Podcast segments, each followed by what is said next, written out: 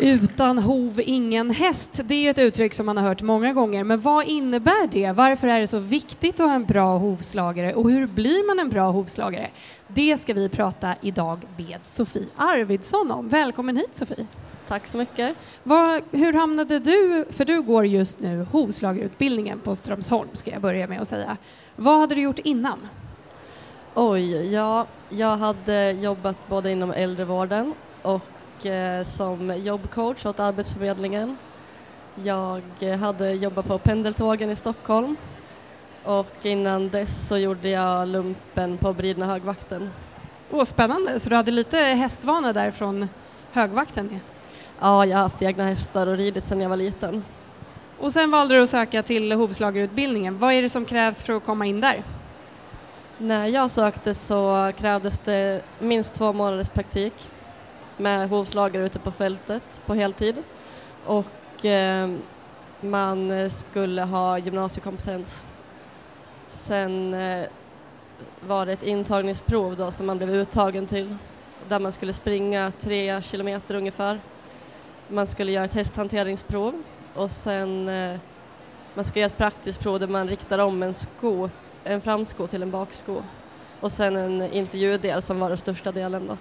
Okej, så det ingår alltså att springa i det här antagningsprovet. Hur kommer det sig? Ja, jag vet inte om den delen är kvar i årets eh, uttagning, men eh, det är ju mest för att man ska ha en grundfysik innan man, ja, så att man klarar av arbetet.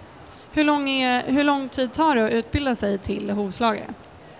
Ja, du har ju de här två månaderna minst som praktik. Jag gjorde nästan ett års heltidspraktik innan jag sökte skolan. Och sen är det eh, fyra terminer, så två års studier och eh, sen ska man ju helst då jobba något år och sen är det ett års tilläggsutbildning. Okej, vad kan man göra på en sån tilläggsutbildning? På tilläggsutbildningen så utbildar du dig för eh, att eh, få jobba med hovskador och hovsjukdomar gentemot veterinären och då blir du en eh, djurhälsopersonal samma klassad som, som veterinären är. Hur ser en typisk dag på hovslagarutbildningen ut? Ja, det är väldigt olika. Vi har ju både te teoretiska kurser, vi har fysträning en gång i veckan Eh, med lärare och sen har vi egen fys eh, på schema också. Sen eh, har vi praktiska lektioner i skoning och smide. Okej. Och var, varför ska man ha en hovslagare som är utbildad? Vad är det man får liksom då jämfört med en som kanske har jobbat som hovslagare utan att utbilda sig? Ja, alltså som hästägare så är ju utbildningen ändå ett eh, bevis som du kan se att den här personen kan vissa saker. Att man kan hästens fysiologi, att man vet hur hoven är uppbyggd och fungerar, att man har en stor kunskap för hästens eh, rörelser och belastningsförhållanden i de olika sporterna som vi använder hästarna i. Men vem som helst får kalla sig för hovslagare, eller hur? Ja, som det är nu så får vem som helst kalla sig för hovslagare. Men eh, det alltså finns det den här tilläggsutbildningen du kan gå för att bli godkänd av Jordbruksverket och den titeln är skyddad så att de jobbar ju mot att det ska bli ett krav på att man måste vara det för att få skohästar. Men hur vet man om ens hovslagare har den utbildningen och den skyddade titeln? Alla som är eh, utbildade och godkända av Jordbruksverket finns listade på Jordbruksverkets hemsida. Och har man gått eh, grundutbildningen då har man ju fått ett utbildningsbevis. Man kan även gå med i olika föreningar som verifierar din utbildning. Så där du kan söka i register. Då. Hur viktigt tycker du att det är att man har en bra hovslagare? Alltså vad kan det göra för skillnad för hästen? Ja, det kan göra stor skillnad för hästen, speciellt om du har en häst som har lite speciella benställningar, speciellt rörelsemönster, kanske ha, inte har den bästa kvaliteten på fötterna. Så kan det göra väldigt stor skillnad. Det är ju viktigt, speciellt med tävlingshästar, att man har ett nära samarbete med hovslagare, ryttare och tränare. Det finns ganska mycket att göra med olika balanseringar, olika sorters skor. Vad, vad, kan hända om, man, om det går fel? Ja, har du en häst som är obalanserad i hovarna så kan det ju leda till både trauman och förslitningsskador. Okej. Hur ser du på marknaden efter utbildningen? Finns det en stor efterfrågan på hovslagare? Ja, det finns ju såklart delar i Sverige där det kanske inte behövs lika mycket hovslagare som det behövs i andra delar. Jag bor i norra Västmanland på gränsen till Dalarna och där upplever jag att det finns en ganska stor brist på hovslagare, speciellt utbildade hovslagare. Sen hur det ser ut i resten av Sverige, det har inte jag jättestor uppfattning om, men jag tycker inte att mina klasskamrater känner sig så oroliga. Men är det inte ett väldigt tungt arbete? Man får ju anpassa arbetet. Jag kanske inte skor lika många hästar som en stor och stark man. Jag brukar hålla mig till kanske fyra hästar om dagen.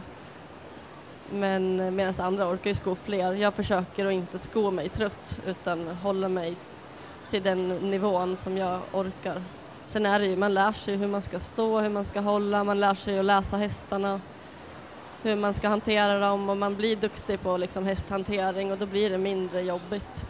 Man lär känna hästarna och de lär känna dig så det blir inte lika mycket bråk och då, då tycker inte jag att det är sådär jättetungt.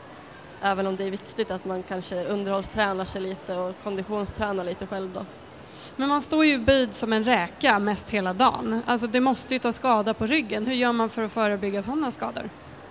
Alltså om du jobbar rätt så är ju det bästa att bara börja på benen så att du kan faktiskt stå ganska bra. Så att du, jag tränar mycket benmuskler och sen simmar jag mycket för att liksom röra loss kroppen för det blir ganska statiskt, man står ganska still, det är mycket betonggolv och ibland ganska mycket drag och hästar som rycker i en och sådär så det kan vara skönt att röra loss kroppen lite på, i vattnet tycker jag.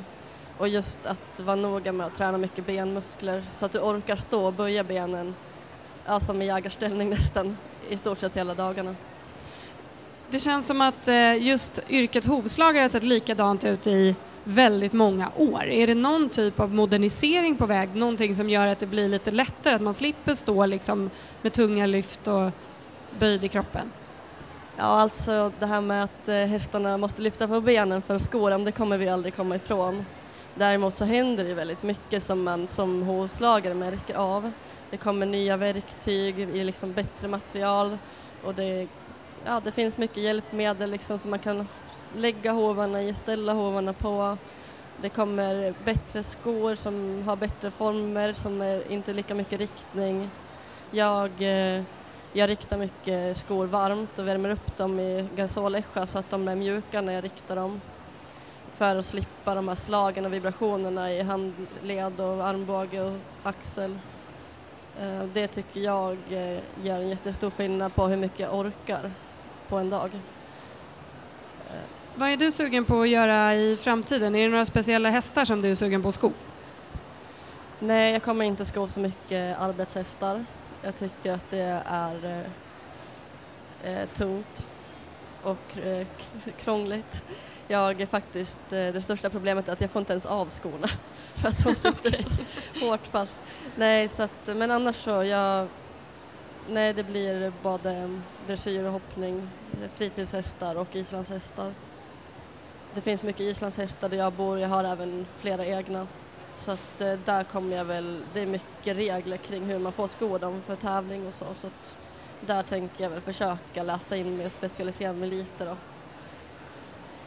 Spännande. Men om det är någon som är sugen på att söka hovslagarutbildningen, tycker, de att det, tycker du att de ska göra det? Ja, alltså jag tycker att det är en jättebra utbildning.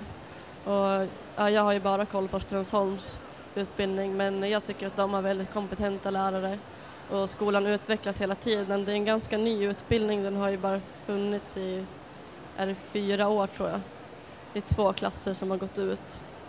Eh, men eh, jag tycker att den utvecklas åt rätt håll hela tiden och just nu har vi i alla fall väldigt bra lärare, man lär sig jättemycket och har en stor bredd både på hovslagarsidan och den andra teoretiska sidan. Men då får vi önska dig lycka till i framtiden. Ja, tack. Tack så mycket.